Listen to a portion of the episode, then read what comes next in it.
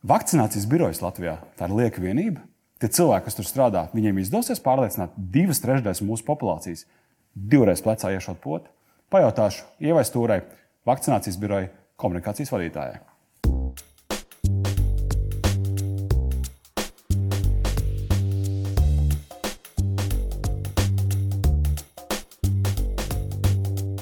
Klau, ja es tā domāju par, par to vakcinēšanos un kāpēc viss tāds žargonos sakot, kipišs ap to ir. Kādreiz, vēl pirms pandēmijas, bija kaut kāda vakcinācijas pretinieka, bet tāda margināla vienība mūsu sabiedrībā. Man šeit kaut kāda 9 no 10.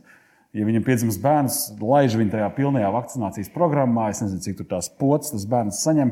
Šad, tad mēs dzirdam par ļoti retiem gadījumiem. Man pašam radu lokā arī bija bērniņš, kur bija diezgan nu, pasmagi pēc vakcīnas. Bet, nu, tas ir tāds nu, tiešām atsevišķi izņēmumi. Un, un tāpat tas encefalīts un, un riska grupā tie, kas ir gripa potē, viss ir kā labi. Atnāca Covid, atnāca ļoti jocīga retorika, pastiprināta retorika par vakcināciju, tagad ir faktiski vajadzīgs nu, birojs, kas nu, labi, ir loģistiskā puse, bet ir arī komunikatīvā puse, kas tagad faktiski cīnās ar to, kas ir sadarīts. Viss tas ir tas, tas nezinu, Facebook un, un, un parastie mēdīņi un tā tālāk. Un, un, cilvēks uz cilvēku, viss tā komunikācija, kas tagad ir, nu, tas atkārtošos, tas kipišs, kas nu tagad ir. Kas tagad ir jādara vakcinācijas birojam, lai, lai noregulētu to, lai mēs atgrieztos pie normas un, un neņemtos tik nenormāli par tām vakcīnām? Uh, mēs droši vien ņemsimies. Tas ir normāli un tas ir, manuprāt, ļoti saprotami, jo tā ir jauna lieta. Un tas viss, kas ir jauns, cilvēkam ir vajadzīgs laiks, lai to pieņemtu. Mēs taču zinām, ka jebkura, jebkurš jaunievedums sabiedrībā, kas ir bijis, vai tas būtu mobilais tālrunis vai automašīnas pirms nescik gadiem, tas viss ir sācies ar to, ka pirmā reakcija ir bijusi, tas noteikti mūs nogalinās ilgtermiņā. Tas ir Elvis izgudrojums un sliktāk vairs nevar būt. Un tad vienā brīdī mēs to sākam uzskatīt par normālu, pašsaprotamu lietu. Es domāju, ka, ja mums būtu laiks, tad vakcinācija pret covid nebūtu vajadzīgs. Nekāds birojs nebūtu vajadzīgs īpaši milzīga komunikācija. Bet mums nav šī laika. Tā lielākā problēma ir, ka mums ir jāsvakcinē šie cilvēki, lai mēs pēc iespējas ātrāk atgrieztos ierastā dzīves ritmā ļoti, ļoti ātri pāris mēnešu laikā. Līdz ar to tā intensīvā komunikācija ir neizbēgama. Viņa ir vajadzīga. Turklāt, tas, ko es varu nomierināt, skatoties, kas notiek citur pasaulē, mēs neesam ne ar ko unikāli. Tie aptuvenie procenti par un pret ir samērā līdzīgi. Jā, viņi atšķirās pa valstīm, bet nu, tā problēma par to, kā pārliecināt šaubīgos vai ko darīt ar skeptiķiem, ir visās mm. valstīs. Ja sēž kurpju veikalā, man pārdevēs nu, ļoti aktīvi, ļoti uzbāzīgi, ļoti intensīvi. Jautā, vai es varu kā palīdzēt, vai paskatīties šo modeli, un te mums atlaidīt. Vienā brīdī man tā kā piebesīs, vai no nu aizēja ārā, vai nu, viņam, nu, pasaka, klau, nu, iedomā telpā, ja ļauj padomāt. Nu, vai nesnāks tā, ka vakcinācijas birojas ar to ļoti aktīvo komunikāciju, tā kā mums tur laika nav, vai tur mm -hmm. divas trešdaļas nācijas novakcinēt, vai nebūs šis tāds acitiens, nu, kad cilvēki vienkārši norobežos un pateiks, nu, nu, nu gan. Ja? Nu, es uzdodu sev šo jautājumu, cik daudz ir par daudz, bet es domāju, ka mēs esam vēl diezgan tālu no tā. Mēs šobrīd esam radījuši tiešām pirmos uh, informatīvos materiālus latviešu valodā. Līdz ar to teikt, ka kaut kādā brīdī būs par daudz nu, mē, vēl ir jāsasniedz tas mm. solis. Kurā brīdī ir par daudz, ka uz katras stūra saka, vakcinējies, vakcinējies, vakcinējies, un tas rada pretreakciju, jā, ar to ir jārēķinās. Pilnīgi piekrītu. Bet uh, līdz tam mēs vēl, vēl tāls ceļš ejams. Es eh, februāra mēnesī pieteicos uh, mana vakcīna.CLV vakcīnai kā tādai, jo man nav tā, ka es ļoti viņu gribu, bet es saprotu, ka droši vien man dzīves vērtībai ceļošanā tā, nu, kas saka, par ļaunu nenāks, plus man iepriekšējā vakcinēšanās pieredze pašam ir tā, ka es nejūtu gandrīz neko. Nezinu, kā būs no šīs, bet uh, gan jau viss būs kārtībā. Tas, ko es redzu no komunikācijas viedokļa, pirmais, ka es esmu nu, tad, tad, uh, iestatījumos, laikam, pamatvaloda latviešu valoda, es varu pārslēgties krievu valodu. Man paziņoja, draugi, ka ir ļoti daudz uh, ārzemnieku, kas dzīvo Rīgā pastāvīgi. Mm -hmm. Ko viņi dara? Viņi ierauga latviešu valodu, viņi ierauga nu, krievu valodas opciju, ja viņi vispār saprot, ko tas nozīmē. Angliski informācijas mana vakcīna.lv nav. Jā, nav, bet es varbūt paskaidrošu, kas šobrīd notiek vispār.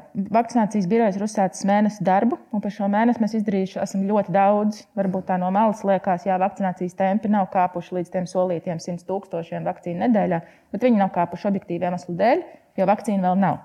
Bet tas, kas ir izdarīts, ir izdarīt daudz citu priekšdarbu. Ir palaista šī agrīnās pieteikšanās vietne, mana vakcīna.lv, ir atvērts informatīvais tālrunis, ir sagatavoti informatīvie materiāli, ir sākta senioru vakcinācija un daudz citas.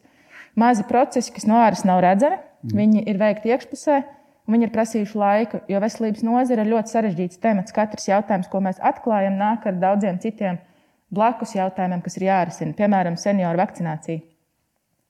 Izklausās vienkārši seniors piesakās, iet pie savas ģimenes ārsta, savakcinē, kur tur varētu rasties problēmas. Bet, piemēram, mums ir ļoti liela senioru grupa, kas ir nestaigājoši, mm. kas ir mājās, kuriem ir kustība traucējumi kā izveikt izbraukumu vakcināciju. Vai kuriem vienkārši ir bail iziet, jo tad var noraut to covid. Jā, jā vai kuriem vakcīnas. vienkārši ir bail doties ārā, jo viņiem ir bail uh, tieši tā saslimt ar šo vīrusu, pirms viņi ir palikuši drošāki. Un es atzīšos godīgi, mēs esam risinājuši šos jautājumus primāri. Pirms mēs esam domājuši par ārvalstniekiem. Jā. Tas ir jautājums, kas tiks risināts, un arī viņiem pienāks vakcīna. Ne tikai pienāks, bet tas ir īstenībā mūsu pašu drošības labad, lai visi šeit būtu vakcinēti. Bet tas ir jautājums, kas būs bijis vēlāk risināms. Mm. Lielākā daļa no viņiem ir tādā teiksim, tā spēka gados. Nu, tā kad, varētu būt. Saka, viņi... lūdzu, tad, kad tu nonāci vakcinācijas birojā salīdzinoši nesen, vai tev nebija kaut kādas lietas, kurām tu uzdūries, un tev likās, nu, bļāviens, kāpēc šis vēl nebija izdarīts? Tad, taču, nu, kā Covid jau ir gads riņķī jau. Nu, un zināt, ka kaut kad jau tā vakcīna būs. Zini, nē. No, nav tā. Nē, par jau pirmajā dienā man bija skaidrs, kāpēc kaut kas nav izdarīts. Cilvēki tur strādā desmit mēnešus, un tagad jau gadu ārprātīgā režīmā. Lai jūs saprastu, tu domā par ministriju? Ministriju. Nu, es teiktu par visu veselības aprūpas sistēmu okay. un arī ar visām iesaistītajām institūcijām. Mm. Cilvēkiem šeit sen vairs nav normāla darba laika. Nevienu nepārsteidzies, kādam zvanīt 9, 10 vakarā. Tas ir brīdis, kad parunāt beidzot pa telefonu. Uz interviju atsūtīja piekrišanas ziņas šeit kaut kad pus 11. Jā, un tas bija brīdis, kad es beidzot tiku Jā. līdz tā nosacīt nesvarīgajiem ēpastiem un ziņām. Mm. Nav brīvdienu. Sestdienās, svētdienās visi tā, tā kā atvainojoties, saka, būtu iziešu uz pusstundu, pastaigāt, izveidot galvu, jo tev saglabāt to mentālo veselību ir svarīgi. Līdz ar to man neceļās ne, ne roka, ne, ne cik pārmetumu, lai kādam pateiktu, ko jūs neesat izdarījuši. Mm -hmm. Drīzāk tieši otrādi es gribētu teikt, ka veselības aprūpas sistēmā mums būtu jāpasaka paldies, ka jūs vispār vēl esat tur un esat iesnieguši atlūgumus. Un daudz jau to ir. Jā, nu, droši vien, ka tad, kad mēs domājam par veselības aprūpi, mēs redzam to, to fronts pirmo līniju. Nekāda pārmetuma pret šiem cilvēkiem nav. Bet, ja mēs domājam par ierēdniecību, to, tieši, es, es runāju par ierēdniecību. plānošanu, visu tam nu, šķiet, ka varēja laicīgi. Un, ka, un kāpēc iepriekšējā ministra tika nu, saka, palūgta? Nu, tieši tāpēc, ka vakcinācijas plāns mm -hmm. bija nu, prezid, ministra prezidenta skatījumā vājš. Es nekomentēšu iepriekšējo plānu, jo tad nebija. Man nav tiesība komentēt, Jā. kas notika un kā tika izstrādāts šis iepriekšējais plāns. Tas, ko es redzu, ka tur ir ārprātīgs temps un papildus vakcinācijas plānam nekur nav pazudis Covid. Tas eh, Covid turpinās. Otrām kārtām šie cilvēki, nu, principā savā dzīvē ir gatavojušies strādāt ar citām problēmām. Mēs no viņiem visiem sagaidām tādas augstas, raudzes, krīzes, menedžeru prasmes, pie, eh, lēmumu pieņemšanas stresa situācijās, prioritāšu izvirzīšanu, stresa notrību un citas lietas, kas no viņiem ikdienas darba pienākumos nemaz nav bijis prasīts. Nu tā, tā kā man nav pārmetumu, kāpēc tas nav bijis izstrādāts, man ir bijuši drīzāk kopš pirmās dienas jautājums, kā to var izdarīt četrās stundās, to, ko vajag paveikt parasti divās nedēļās. Mm -hmm. Bet tu nāc no privātā sektora, no komunikācijas nozares. Tur jau arī tomēr parasti privātie klienti arī ir nepacietīgi un visu vajag tūlīt vai vakardien jau. Ja? Nu, it kā varētu būt līdzīgi tas kaut kāds spiediens uz to, ka visam jānotiek ļoti strauji un elastīgi. Jā, no malas man liekas, ka būs līdzīgi. Kad, mm -hmm. Kā aģentūras dzīve man ir norodījusi, es esmu bijis desmit gadus aģentūrā, man liekas, es visu esmu redzējis, visu piedzīvojis. Es teiktu, ka šis ir kā datorspēlē, tu pārlec desmit līmeņus uz priekšu. Bez instrukcijas. bez instrukcijas, bez sagatavošanās. Un, ja kaut kur ja agrāk man aģentūras dzīvē likās, nu, ātri ir divas nedēļas, nu, nevis divas nedēļas, divas dienas, kad ir jāuzstājas, piemēram, tāda vietne, mana vakcīna.lv, tad tagad man likās normāli to darīt sestdienas vakarā, 2011. Mm. Kā iet vispār? Es domāju, Nu, es, es gribēju pajautāt jā, par to ātrumu un uh, valsts, valsts uh, naudas un resursu lietošanu, iepirkumu, viss tas vaiprāts, kas parasti jau tā, cik es saprotu, te ir kaut kāda, tiek atrasta tāda juridiski īsceļa, lai to visu risinātu, lai varētu tā uzcelt to mājaslapu dažās dienās būtiski. Ne, cik es saprotu, bija jau iestrādnes. Tas nebija par iepirkumu, tas drīzāk no, bija par iekšējiem resursiem, tekstu sagatavošanu, maketiem un visādām dažādām procedūru atrisināšanām. Mm. Jā, atgriežoties pie komunikācijas, kas ir, tas, kas ir tavi tie stūrakmeņi, uz kuriem tu balstīsi komunikācijā ar, ar nāciju, lai tās divas trešdaļas mēs novakcinētu? Mm. Un, respektīvi, lai tās divas trešdaļas gribētu būt vakcinētas, varbūt tā precizēšu. Mm -hmm. Es pastāstīšu vienu joku, kas man ir tāds sens joks, un tad tagad atceros. Anekdote par to, ka man jaunībā bija vismaz četras teorijas, kā audzināt bērnus. Tagad man ir četri bērni un nevienas teorijas. Līdzīgi man liekas, ka būs ar komunikāciju par, par vakcināciju, par cilvēku pārliecināšanu. Protams, ka šobrīd ir idejas. Protams, ka šobrīd ir skaidrs, ka noteikti būs jārunā ar krievalodīgiem, ir jāatrod kopienu līderi. Ir īpaši jāatrod veids, kā uzrunāt tos iedzīvotājus, kam ir zems ienākuma līmenis. Un, jo? Jo viņi ir visneticīgākie. Viņi ļoti neuzticas. Ir korelācija starp Jā. skepsi pret vakcināciju un ienākumu līmeni. Jā, ir korelācija starp ienākumu līmeni un cilvēku uzticēšanos oficiālajām valsts institūcijām. Mm -hmm. Un tā ir ļoti, ļoti liela korelācija, kas novērojama, jo, jo zemāk ienākumi, jo zemāk uzticēšanās. Un turklāt šī plaisa starp tā saucamo informētiem iedzīvotājiem, mazāk informētiem iedzīvotājiem ļoti aug visā pasaulē. Nu, ko mēs darām? Mēs tad, tad, ja viņš netic nu, tad, tad valsts pārvaldē un institūcijām, tad, tad kopienu līderi, viedokļu līderi, tiem, kam viņi uzticās, būs tie, kas to vēst nodos? Es ceru, tas ir viens no veidiem, kā ar viņiem, kā ar viņiem sarunāties. Otrs veids ir meklēt tos komunikācijas kanālus, kur šie cilvēki ir atrodami. Nu, piemēram, lielveikalos. Jā, tur netrūkst cilvēku. Tas bija mans nākamais jautājums par komunikācijas kanāliem. Man pirmais, protams, kas nāca prātā, ir virtuālā vide, tāpēc ka tā ir mana mērā mm -hmm. realitāte. Un, uh, grūti no tā savu burbuļu izkāpt. Jā. Kas ir tas, kas, uh, kad tu, varbūt, kad tu gatavojies stāties šajā matā, labi, tur tas gatavošanās laiks bija ļoti īss, bet nu, tomēr, kas bija tev tādi nu, primārie kanāli, par kuriem tu domāji, vai tā tava izpratne ir mainījusies tagad, saskroties jau un nostrādājot šo periodu? Es nedomāju tikai par sociālajiem tīkliem, mm. jo mhm. manā. Nu, Labi. Tā ir ļoti grūti atbildams. Es teiktu, ka ir jādomā, ņemot vērā, ka mums ir jāuzrunā visi Latvijas iedzīvotāji, mums ir jādomā par visiem komunikācijas kanāliem. Šī ir savā ziņā nu, sadrumstalota komunikācijas kampaņa no tā, ka mums ir iedzīvotāji sadrumstaloti. Viņu viedokļi ir pilnīgi krasi pretrunīgi. Tas pats, ko mēs varējām redzēt par Covid, sākot no tā, ka tas nav un tas ir izdomāts vīrus, un beidzot ar to, ka prasībām visu apstādinam uz četriem mēnešiem un vispār neejam ārā no mājas, kaut kur ir jāatrod līdzsvars pa vidu. Nu, līdzīgi ir ar to vakcināciju. Viedokļi ir super pretrunīgi. Mums ir kaut kur jāatrod tas vidusceļš. Es saprotu, ka ļoti īsts laiks ir pagājis kopš vakcinācijas birojas, un tu kā komunikators tur esi. Tomēr vai jau ir izdevies saņemt kaut kādu atgriezenisko saiti par tiem signāliem, kurus jūs sūtāt, vai kaut kas nāk atpakaļ nesaprotam, vai ļoti labi šis ir super, tas palīdz. Grūti pateikt, vai no individiem tas varētu jau būt atnācis atpakaļ, bet varbūt no kaut kādām nezinu, ārstu biedrībām. Vai, vai Jā, mēs ļoti daudz sadarbojamies ar ģimenes ārstiem. Mm -hmm. Loģiski, ka viņi norāda uz neprecizitātēm. Nu, tas nav pat komunikācijas process, tas ir organizatoriskais process, kur mēs cenšamies uzlabot. Es daudz runāju individuālās sarunās ar pašvaldību pārstāvjiem, ar ģimenes ārstiem, ar uzņēmumu vadītājiem, ar masu mēdīju cilvēkiem Un tas lielākais secinājums ir tāds, ka cilvēkiem no ārpuses viss liekas daudz vienkāršāks un melnbaltāks nekā tad, kad viņiem sāc stāstīt, kāpēc patiesībā ir tā, kā ir. Un visbiežāk tās sarunas man beidzas vai sākas ar to, ka nu, šis nav kārtībā, un šis un šis. Tad es paskaidroju, kāpēc tas ir tā, vai, vai, vai kāpēc tas nav vēl atrisināts, un tas beidzas ar sarunu. Nu, labi, lai jums veicās izturību. Ne, ne, ne, ne, nepametiet šo pusretā, izdariet līdz galam. Nu, jā, tas stāsta droši vien par tādu dīvainu ekspertīzi. Nu, ka tu, kamēr tu neesi tajā iekšā, tev šķiet, nu, ka, ka tu nemāki to ripu iemest vārtos, tad, kad tev ir tā, kā saka, ideālā situācija, un tad, kad tu pats nonāc uz ledus, tad kaut kā neveic tā spēle. Um, Nu, ko es tev pateikt, uh, ne, bet pajautāt vēl par. Vienkārši man interesē tā, tā praktiskā puse, tā, tā jūsu ikdiena. Nu, labi, tad, tad ir vakcinācijas birojas, tad nu, sāviņi cilvēki. Daudz teiks, jā, viņiem tur par daudz maksā vēl kaut kas, bet man liekas, ok, mēs savācam eltāru pieredzējušu publiku nu, ne publika, bet tāda komanda. Un, uh, un tad viņi organizē. Bet tur droši vien ir kaut kāda partnerība. Tie paši mēdīji, komunikācija aģentūras, cilvēki, kas plāno šīs lietas.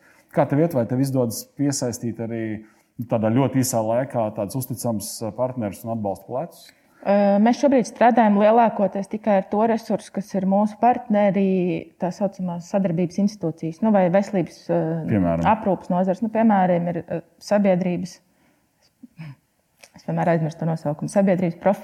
Nē, sabiedrības SPKC. veselības. SPKC, jā. jā. Slimību profilakses un kontrolas Jā, centrs. Slimību profilakses. Man- Jā. Kāpēc man sākās sabiedrība? Nu. Pirms Covid es nezināju par šādas iestādes esamību, godu vārds. Bet Nu, es, kaut nu, es kā- biju dzirdējis, gan. Ok. Nu, labi, ir slimību profilakses kontrolas centrs, ir mm -hmm. Nacionālais veselības dienests, ir slimnīcas lielās, kas ir lieliski partneris komunikācijā. Uga Dumpas Twitterī. Uga Dumpas Twitterī, bet ir vēl arī komunikācijas cilvēki, kas dara daudz, mm -hmm. daudz lietu, kuras varbūt no malas uh, nevar redzēt, jo neviens nezina, ka tas ir komunikācijas cilvēku paveikts, bet tas, tas notiek. Mēdī ir sadarbības partneri. No daudz citu. Kāda ir tava loma? Tad, tad tu esi atbildīga par komunikāciju, nu, skaidrs, ar sabiedrību, lai pārliecinātu. Vai tu atbildi arī par eh, paša biroja komunikāciju uz āru? Jo tas, ko es pārsvarā redzu, ir Juhņevičs, kas ir biroja vadītāja. Un viņa ar komunikāciju iet kā kuru reizi, teikšu godīgi. Man, man šķiet, ka ne, nevienmēr viņa ir varbūt, ideāli sagatavojusies tādiem nu, provokatīviem jautājumiem, es pateiktu, varbūt reizēm uzbrukumiem. Nu, kad teiksim, nu, tas ot, jūs tur kaut kā apmēram liekēži un neko nedarat, un kāpēc tas vēl nav, kāpēc tas vēl nav. Uh, Vai tu arī pati redzi, ka tu ietu vairāk uz, uz nu, sadarbībā ar mēdījiem, tieši komunicētu vakcinācijas biroju? Jā, es to daru. To dara arī mana kolēģe Agnese Strasde, ar kuru mēs ikdienā strādājam, sadarb, atbildot uz mediju jautājumiem.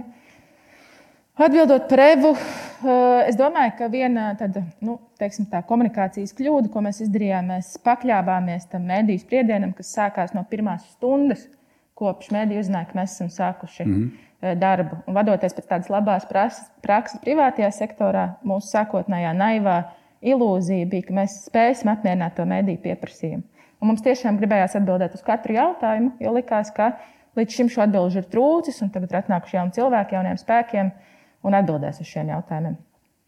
Un es teiktu, tas bija nepareizi, un tā bija kļūda. Mums vajadzēja pastrādāt pusotru nedēļu un saprast to, to, to virtuvi, saprast lietas, un tad iet uz ārā, jo mēs sākām no pirmās dienas un ieguvām nenormāli daudz punus tieši pirmajās dienās un pirmajās nedēļās, kuri jau pēc tam tie puni krājās kā tādas soda punktiņi, un sabiedrība kļūst vien neiecietīgāka. Bet, nu, mums ir, kas mums atliek? Mums atliek tikai uzlabot savu darbību un iet uz priekšu. Man patīk tas, kas, ko mēs aizkadrā runājam par vakci, vakcinācijas tādu skepsi, kas tagad ir Covid sakrā īpaši izaugusi. Un tu man pajautāji, vai tu zini sava, savas encefalīta potes ražotājs. Es, protams, ka es nezinu. Es nekad, mm -hmm. es nekad neesmu pat iedomājies. Tad brīdī, kad man tur šo vakcīnu potē plecā paprasīt, nu, kas tas par ražotāju, nu, kādu komentāru atbildi dos un ko man viņi tagad dod, ja es zinu par to. Covid. Tad viss tie ir tikai pārsvarā, man liekas, ir nu, kaut kādi viedokļi un kaut kādi, nezinu, cilvēki, kas ā, balstās ā, uz kaut ko dzirdētu. Ja? Man arī pašam ir cilvēki jautājuši, nu, Oskar, kā tu tur skaties, vai tu vakcinēsies? Es saku, jā, kur ražotājs? Saku, nu, ko dos to bliezīs iekšā? Jā. Jā, bet es, saku, es esmu izlasījis tikai par vienu vakcīnu, kā tā strādā. Kamēr es to rakstu lasīju, es sapratu, bet es tev vairs nevaru atstāstīt. Mm -hmm. es, es esmu par dumju tajā jomā, lai es varētu atstāstīt, kā tā vakcīna strādā. Un tad tu gribi, lai es tev pasaku pamatot viedokli, kāpēc to vai to vakcīnu. Man liekas, nu, kosmos, tas, ko cilvēki ir paši faktiski sev radījuši, pieprasot vai nu, netīši iegūstot to informācijas, tos, tos, to gūzmu, no kuras uh, graudu no pelavas, tad grūti atšķirt. Bet man ir ko atbildēt. Es domāju, ka tas ir saistīts ar to drošības aspektu. Tas ir kaut kas jauns. Un cilvēkiem liekas, ka viņi tā kā nu, ar šiem jautājumiem, nu, man liekas, mīļākais komentārs eh, sociālajos tīklos, paskatīšos, kas ir vakcīnas sastāvā, tad es izlemšu. Jā. Nu, nemelosim sev, ka mēs izlasot vakcīnas sa- sastāvu, sapratīsim, vai tā ir, vai tā ir laba vai slikta vakcīna. Tāpat laikā viņš pilnīgi mierīgi nopērk wafels veiklā. Jā, to, kas sastāv, nelasot kas tur ir- sastāvu. Kas tur pa vaiprāt ir jā. Nu, Un, ir, eh, jā. un tad, kad mēs Traki vakcinējam, pieņemsim, tikko uzzināja, ka gripas vakcīnai ir divi ražotāji. Un cilvēki neprasa, tad, kad viņi vakcinējas pret gripu, kuru tad no tām, vai piemēram, daudzi pārmet, jā, bet efektivitāte vakcīnai ir tāda vai citāda. Mm. Tieši COVID vakcīnai pret COVID-19. Tāpat laikā neviens nerunāja, kāda ir efektivitāte encefalīta vakcīnai vai kāda ir efektivitāte, efektivitāte gripas vakcīnai. Kas man ir jāpasaka? Šis ir citkārt pat tikai 30%. Eh, Nu, lai pasargātu no saslimšanas. Un cilvēki vienalga vakcinējas pret gripu un nevakcinējas tagad pret, pret covid-19. Nu, es esmu arī tāpat kā tu lasījusi vairāk kārt, prasījusi man speciālistiem, pagaidām, nesapratu, izstāst vēlreiz Jā. to, to vakcīnas darbības principu. Nu, tur ir jāiedziļinās. Tas ir komplicēti. Tas nav tik Tas nav vienkārši. vienkārši. jā. Man labs čoms atsūtīja, kurš eh, izbijis ārsts, strādā ar medicīnas tehnoloģijām. Viņš atsūtīja tiešām labu. Man šeit New York Times raksta par eh, Pfizer vakcīnu. Mm -hmm. Pagājušajā rakstā es domāju, nu, es izlasīšu. Izlasīju tās, sajūtos, o, sapratu. Es tev saku, pēc nedēļas es nevarēju vairs atstāstīt. Nu, tas tiešām ir komplicēti, ja tu dienu dienā nestrādā ar to terminoloģiju, tev nav tie koncepti, saprotam, kā strādā šūnas, tur savstarpēji un tā tālāk. Tas ir diezgan, diezgan grūti. Um, Klau, es skatos, ka. Nu, ja par Eiropu runā, tad uh, par pasauli kopumā ir diezgan līdzīga situācija. Man liekas, ja mēs skatāmies, cik procentu novakcinēti, nu, labi, tur ir Igauni, Latvieši čuču priekšā. Kas Izrēlā notika? Mums arī būtu novakcinēti pāri pusē, mums būtu vakcīna. Kā viņi tika pie vakcīnām? Es nezinu. Man Varbūt vajag aizšaut uz kurš neteikšu. Tel Avivu uzjautāt, pavadžus varētu iekāpt lidmašīnā īpašā un nu, paskatīties, kā veiksmīgas. Nu, kur rezultāts tā kā sportā? Nu, tu nevari, nu, ja viņš noskaidroja 9 sekundēs, tas bija 9 sekundes. Un, ja ir novakcinēta pusi nācijas, tad, nu, čaļi, kā jūs to Jā. izdarījāt? Nē, nu man liekas, mūsu vienīgais, ko mēs varam darīt, labi, viena kļūda ir pieļauta. Tas bija vēl pagājušajā gadā, kad mēs nepasūtījām tās vakcīnas, kas pirmās nonāca tirgu. Jā. Tas bija tāds strateģisks lēmums, jautājums, ko es gribētu pajautāt katram, kurš to nosoda, vai jūs tajā brīdī pie tiem apstākļiem būtu pieņēmuši citu lēmumu. Bet tas ir katram privāts jautājums. Um, mums tagad ir visas iespējas nepieļaut nākamos lēmumus, uh, nākamās kļūdas. Pirmkārt, iet vakcinēties, nevis būt skeptiskiem. Otrakārt, tas ir biroja uzdevums panākt, tas notiek ātri, ka tās vakcīnas ir raiti pieejamas. Noslēdzot sarunu, ja mēs tā at- atgriežamies, nu, ka tu tomēr nāc no biznesa vidas, tu varētu nopičot, prezent, noprezentēt īsti to akciju. Nu, jo pieņemot, ka mums skatās visa nācija tagad, viņi domā, nu, iet, neiet. Un Viņi tā 50-50. Un Tagad saka, nu, jau pārliecini mani. Es teiktu, tas ir vienīgais iemesls, kāpēc es piekrītu šim darbam, kāpēc man pierunāja mans dēls uzņemties šo darbu. Viņš teica, es gribu, lai šis ātrāk viss beidzas. Es gribu, lai viss šis ātrāk beidzas. Es domāju, ka, lai kāds mums būtu viedoklis par Covid, mēs visi varam vienoties. Mēs gribam, lai šis viss ātrāk beidzas.